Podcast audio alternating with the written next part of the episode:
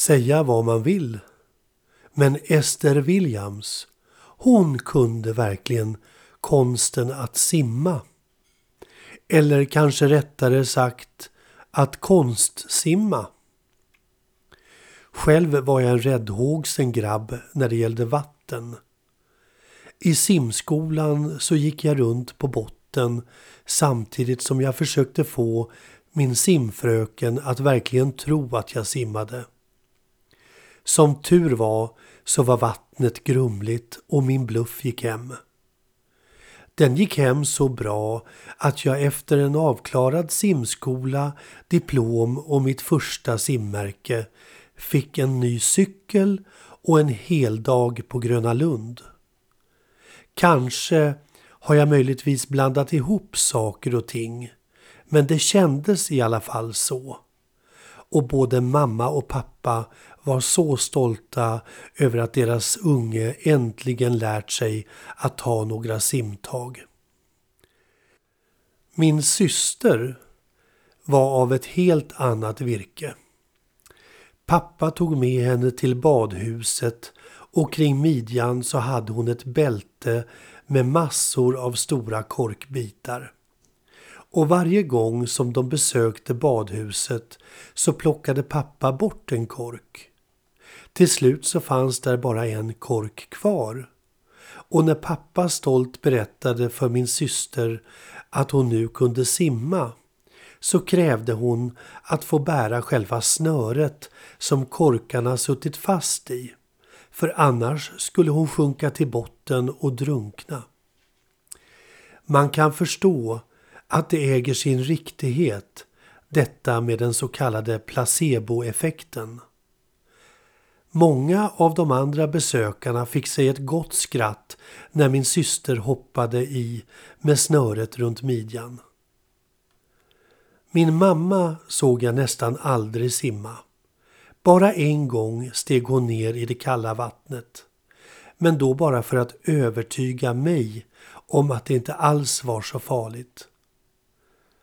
Men en kompis fick jag där på vårt landställe. En snäll kille vars namn jag inte längre kommer ihåg. Och vi blev inbjudna till dem på fika. Jag som annars var ett väldigt ensamt barn uppskattade att ha hittat någon i min egen ålder att leka med. Jag minns inte hans namn.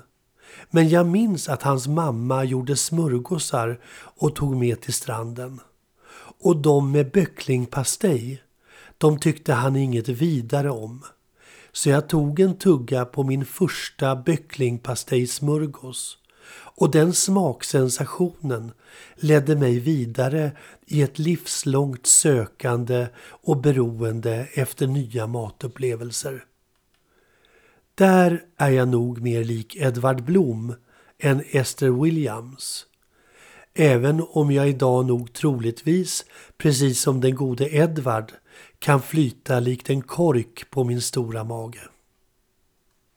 Jag undrar om smaken kan återkalla mitt minne från det att jag var sex år.